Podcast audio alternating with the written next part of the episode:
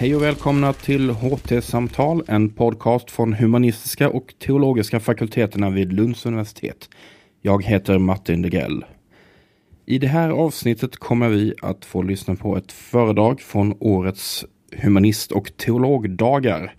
Varje år avslutas HT-dagarna med den så kallade Rausing-föreläsningen och i år hölls den av Susanne Lundin. Susanne Lundin är professor i etnologi i Lund. Hon har i sin forskning bland annat intresserat sig för illegal organhandel, konstgjord befruktning, genetik och kloning samt kulturvetenskapliga perspektiv på neurologiska sjukdomar som Parkinson och Huntingtons. Eh, just nu undersöker hon handeln med förfalskade läkemedel. Och hennes föreläsning under HT-dagarna som vi nu ska få lyssna på heter Förfalskade läkemedel, ett okänt globalt problem. Det här är Susanne Lundin inspelad på Lux under HT-dagarna 14 april 2018. Tack, tack så mycket. Jag vill börja med att tacka så hemskt mycket för priset och alla ni som har uppmärksammat detta och alla som kommer och lyssnar på vad jag ska säga. Det är jätteroligt. Fast det är fint väder så är det väldigt mycket folk här.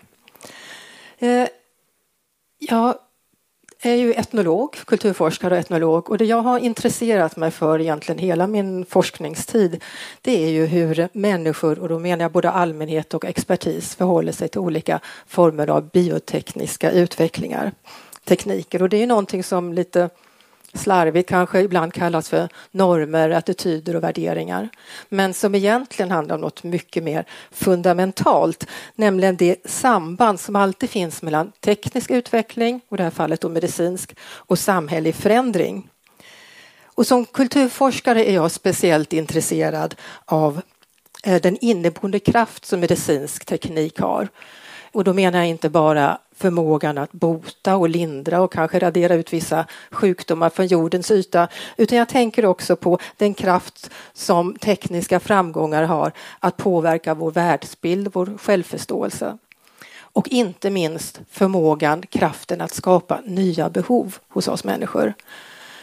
Innan det till exempel var möjligt att transplantera organ mellan människor eller skapa, hjälpa till att skapa barn med hjälp, med hjälp av provrörsbefruktning eller olika former av bota sjukdomar gen, med genterapi så fanns ju inte de här behoven. Det var helt okänt. Möjligen för expertisen att man anade att något var på gång, men för allmänheten var det okänt.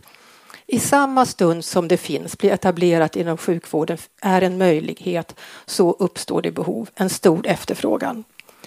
Och nu är det också så att den efterfrågan som finns nästan alltid är större än vad samhället kan, kan erbjuda. Transplantationsköerna är som vi vet långa. Många vill bli föräldrar med teknikens hjälp och kanske rent av också bestämma vilken typ av barn som ska födas. Och därför så är det ju inte heller särskilt förvånande att det uppstår en mängd alternativ det vill säga behandlingar och olika verksamheter som befinner sig i samhällets kanske etiska, lite vanskliga eh, eller legala skuggsidor.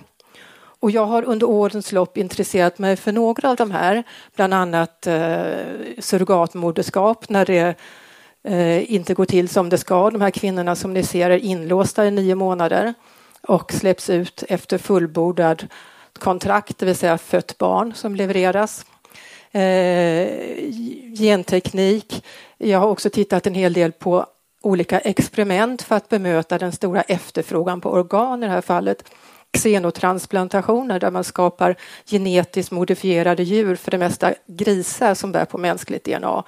Och det mänskliga DNA ska då hjälpa till vid en transplantation från djuret till människan att, att organet inte stöts bort. Så det jag ska tala om här idag handlar om en alldeles speciell del av de medicinska skuggsidorna om förfalskade läkemedel. Det är ju så att läkemedel det är ju substanser som kan påverka våra fysiska kroppar och de har som antropologen Susan White säger farmakologiska liv. Och därutöver har de givetvis också sociala liv. Eh, de är viktiga symboler för människors drömmar, längtan och förhoppningar. Därför också den här lilla bilden med hopp. Det är en regelrätt förhoppningsindustri som växer fram i, i, i samband med det här. Men vi ska inte glömma att läkemedel ju också är materiella ting. Det vill säga de är produkter, varor, produkter som blir varor och precis som alla andra varor så hamnar de ju förr eller senare på en marknad och på marknader kan ju väldigt mycket hända som vi vet till exempel att någonting blir förfalskat, inte bara läkemedel givetvis. Forskningen om förfalskade läkemedel den är relativt ny för mig. Eh, överhuvudtaget finns det lite internationellt sett forskning om förfalskade läkemedel och det som finns är mest inom medicin och en del inom juridik. Så jag tycker det är jättespännande att, att som humanist ge mig i kast med det här området.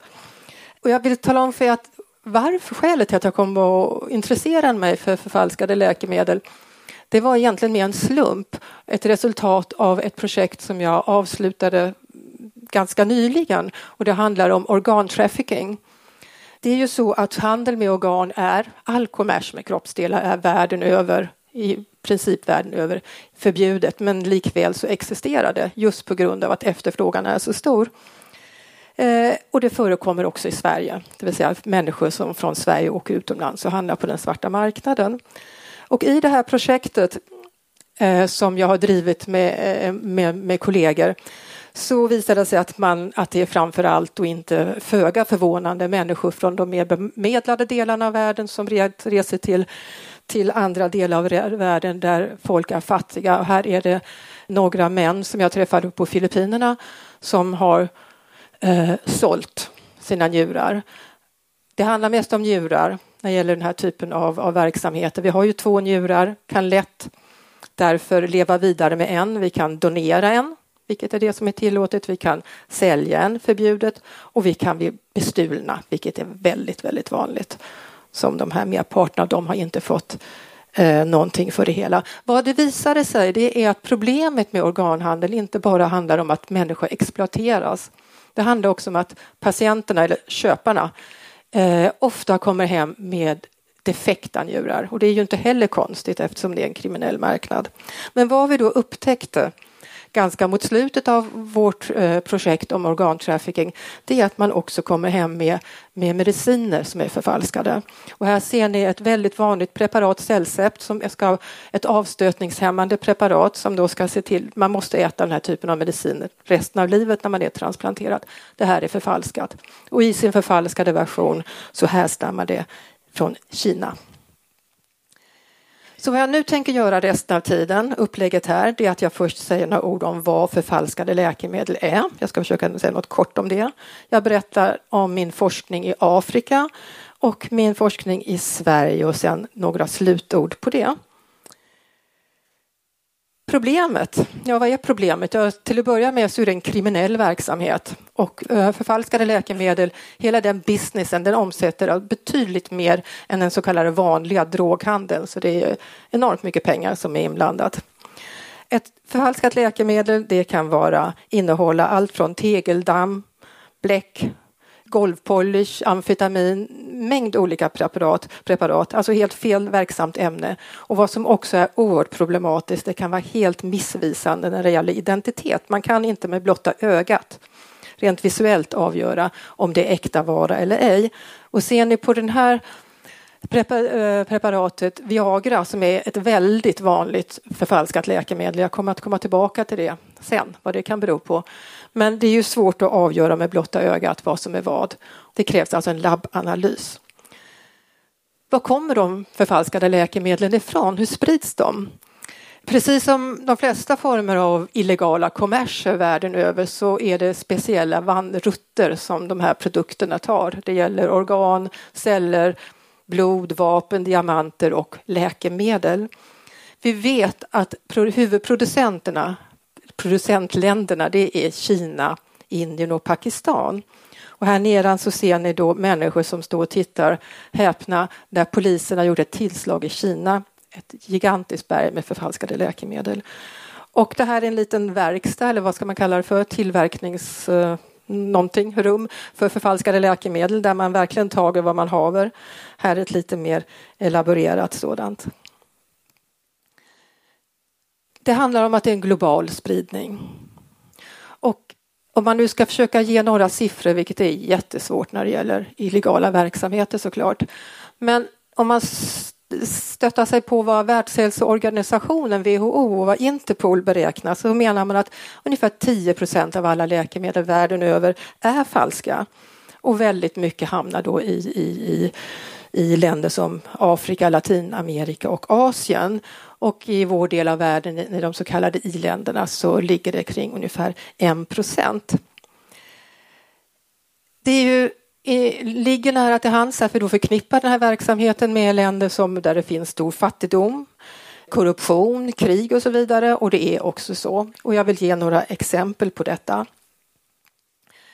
Det har visat sig att statliga myndigheter i ett flertal fattiga länder väljer att köpa läkemedel, mediciner som är allt annat än äkta vara eller de har en liten andel kanske bara av det verksamma eh, medlet, verksamma ingredienserna.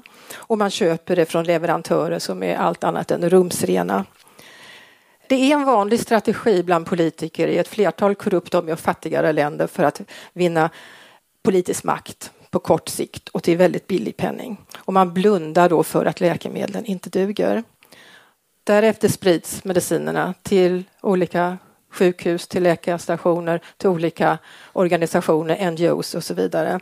Till exempel som hände i Kongo-Kinshasa, det var två år, äh, vad blir det, fyra år sedan, eh, äh, 2014 så insjuknade 400 personer i Kongo-Kinshasa i akut muskelförlamning. Och det visade sig att en läkarstation i ett väldigt avlägset område på gränsen till, till Uganda hade delat ut falska mediciner till mer än tusen personer och läkarna var helt ovetandes om att medicinen var förfalskad. De kom nämligen, produkterna kom nämligen från säker källa, det vill säga från myndigheterna. Och enligt förpackningarna så skulle alla tabletterna eh, innehålla eh, det lugnande ämnet diazepam men istället så fanns det väldigt höga doser av ett antipsykotiskt substans som leder till allvarliga förlamningar, framförallt i ansiktet, tungan och halsen och nacken. Och främst var det ungdomar och barn som drabbades av det här. Och blotta ögat kunde ju givetvis inte avgöra om det var äkta eller ej, så man gjorde en kemisk analys och då fann man de här förfalskningarna. Vad man också fann, vilket är intressant, eh, man fann ett pollen och man identifierade att detta pollen kom från ett alldeles speciellt område i Kina. Så det var helt klart att förfalskningar kom från Kina. Så korruptionen är ett stort, stort problem. Lagstiftningen är också ett stort problem, eller snarast bristen på en enhetlig läkemedelsreglering. Jag vill bara ta ett exempel och det är Belgien som får bli detta exempel. I Belgien som i de flesta andra länder, jag känner till i varje fall, så får ju läkemedel som är undermåliga inte säljas till allmänheten. Vad som dock är tillåtet i Belgien och säkert i många andra länder det är att man får göra en export av det här läkemedlet legalt till till exempel Afrika, vilket som har skett eh, i Belgien väldigt ofta. Eh, läkemedlet Artesonat som är ett antimalariapreparat skickas då till och säljs till, till eh, till olika afrikanska länder. Och det här har bara 70 till 80 procent av det ämne, verksamma ämnet som ju behövs.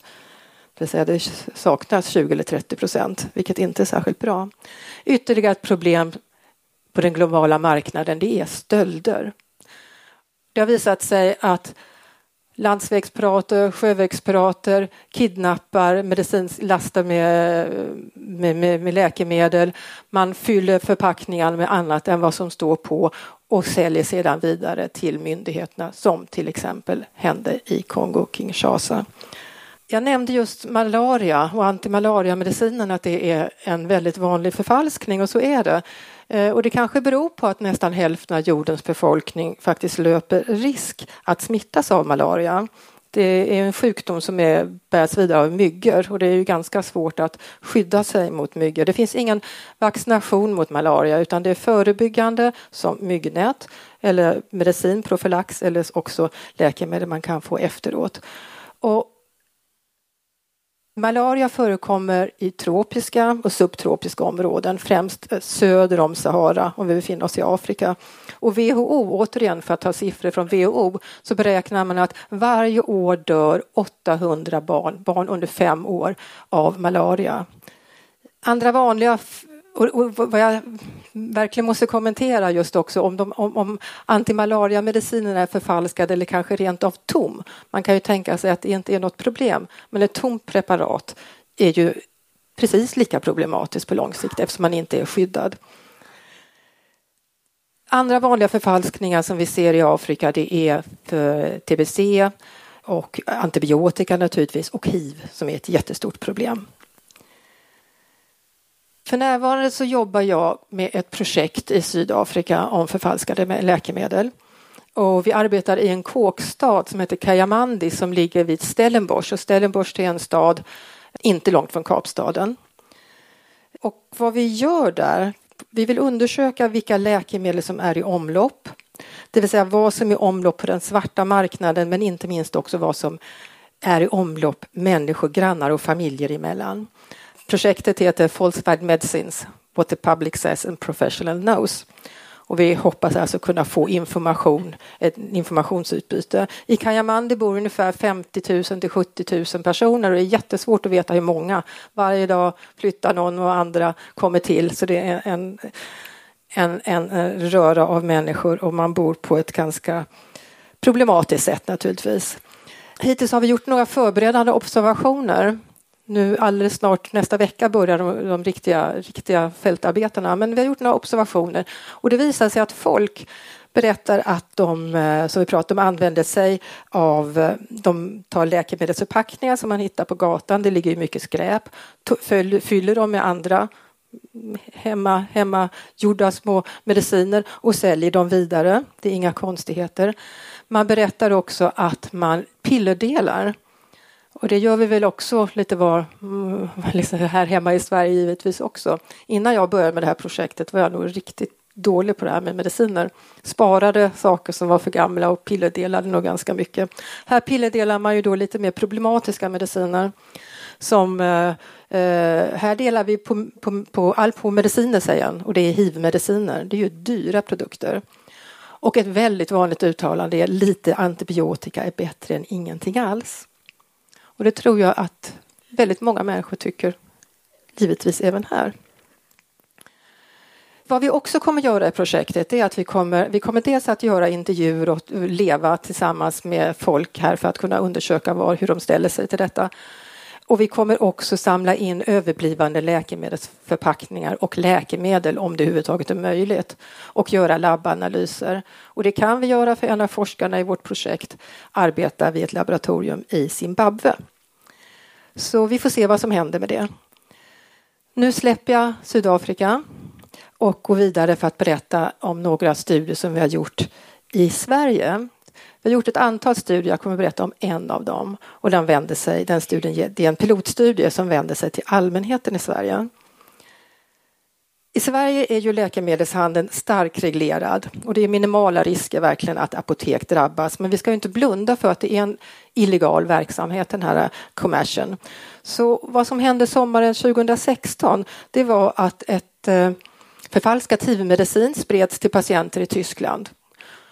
Och den sista anhalten innan det såldes det var ett eh, svenskt företag, Farmera, ett skånskt sådant.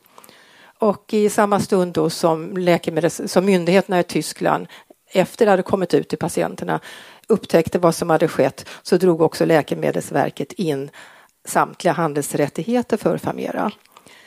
Så vi ser faktiskt en ökning av falska läkemedel i Sverige och det blir tydligt bland annat också i Interpols årliga kontrolloperationer mot olagliga läkemedel. Varje år gör Interpol under en veckas tid med, med 120 medlemsländer, alla gör det samtidigt, kontrolloperationer. Eh, och förra året så hade jag möjlighet att tillsammans med en av mina kollegor, Ray, Louis, att delta några dagar på Arlanda där då den, den eh, operation Pangea som det heter gick av stapeln. Och eh, under en vecka och då enbart på Arlanda så beslagtogs 110 000 falska och illegala tabletter och flera, flera kilo medicinska pulver. Där kommer då transporten på Arlanda, alla paketen. De flesta kommer från Kina och Indien. Och sen går det igenom, ni vet när man ska flyga, går igenom en sån här röntgenapparat och då sitter personalen och ser att ah, det här ser nog lite skumt ut. Det här var en sån grej som man tyckte så konstigt ut från Kina, en kudde. Och när man då öppnar den så ser man att det är ju någonting helt annat i än, än vad som det sägs och i själva verket ligger det ampuller i där det står Restylane på. Men vid en snabb analys så visar det sig att det innehåller något helt annat, inte ens Restylane. Så det går vidare då för en, för en annan analys, labbanalys. Det mesta sker genom köp online på vanliga webbplatser eller då på Darknet också som innebär i allmänhet att man använder internet på ett sätt som är svårt för myndigheterna att, eller andra icke-statliga aktörer att övervaka. Och det som ökar mest det är livsstilsmediciner, narkotiska smärtlindrande tabletter som tramadol och även antibiotika. Och för några år sedan så gjorde Läkemedelsverket tog man reda på att några få procent av den svenska befolkningen hade handlat just receptbelagda mediciner utan att ha varit i kontakt med läkaren först och fått ett recept på de här sajterna. Och så mycket som 40 procent av svenska befolkningen tyckte att det skulle man gärna göra framöver. Så vi samarbetar med Läkemedelsverket i den här studien till allmänheten och har gjort en undersökning för att bland annat få veta vad folk känner till om apotek online och hur man också förhåller sig till att handla läkemedel på internet. Alla apotek i Sverige, både fysiska här ute på stan och på internet, måste ha en logga som visar att de är auktoriserade. Och vi frågade i vår studie då hur många som kände till den här loggan och två tredjedelar hade aldrig sett till den hade inte jag heller, ska jag säga, innan jag började med detta. Och när vi frågade om det skulle betyda någonting för när man skulle köpa medicin online, då får vi en rad olika svar. En majoritet säger absolut att det skulle betyda någonting. Trots det så finns det även en skepsis, inte mot själva symbolen som ett sätt att varna folk, men mot internets tillförlitlighet. Den skulle inte betyda mycket för mig eftersom det är lätt att plagiera symboler på internet. Vi ville också i den här undersökningen veta hur människor förhåller sig till expertisen, till sjukvården. Och de flesta anser att det absolut är nödvändigt att konsultera läkare, expertis, apotekare och så vidare för att få medicin. Men, och detta är väldigt motsägelsefullt, vilket ju alltid karaktäriserar kulturen. Motsägelsefullt nog så har samma personer, säger de, att de misstror sjukvården. Jag litar faktiskt inte alltid på läkarna och vad de vet om läkemedel. Litar inte på systemet i Sverige. Och en person säger att för att få ett recept så är det ju nödvändigt att gå till doktorn, men för det mesta läser jag på innan för att veta vilka mediciner som jag borde få. Och sen ber jag doktorn skriva ut just den medicinen och så köper jag på internet när jag vet vad som behövs. Så ni ser en otrolig instrumentalisering här av, av läkarna. Vi vill också veta vilken inställning som finns vad gäller att köpa läkemedel utomlands. Och vi frågar om de använder receptbelagda mediciner från utlandet och det gör flera har gjort det genom att bekanta utlandet och man går till butiker utomlands på marknader. Och varför? Jo, billigare behövs inga recept. Återigen detta, man behöver alltså inte gå eh, man kan inte köpa det på den svenska marknaden. Nu vill jag runda av med några funderingar om humanioras roll eh, i forskning om medicinska gråzoner.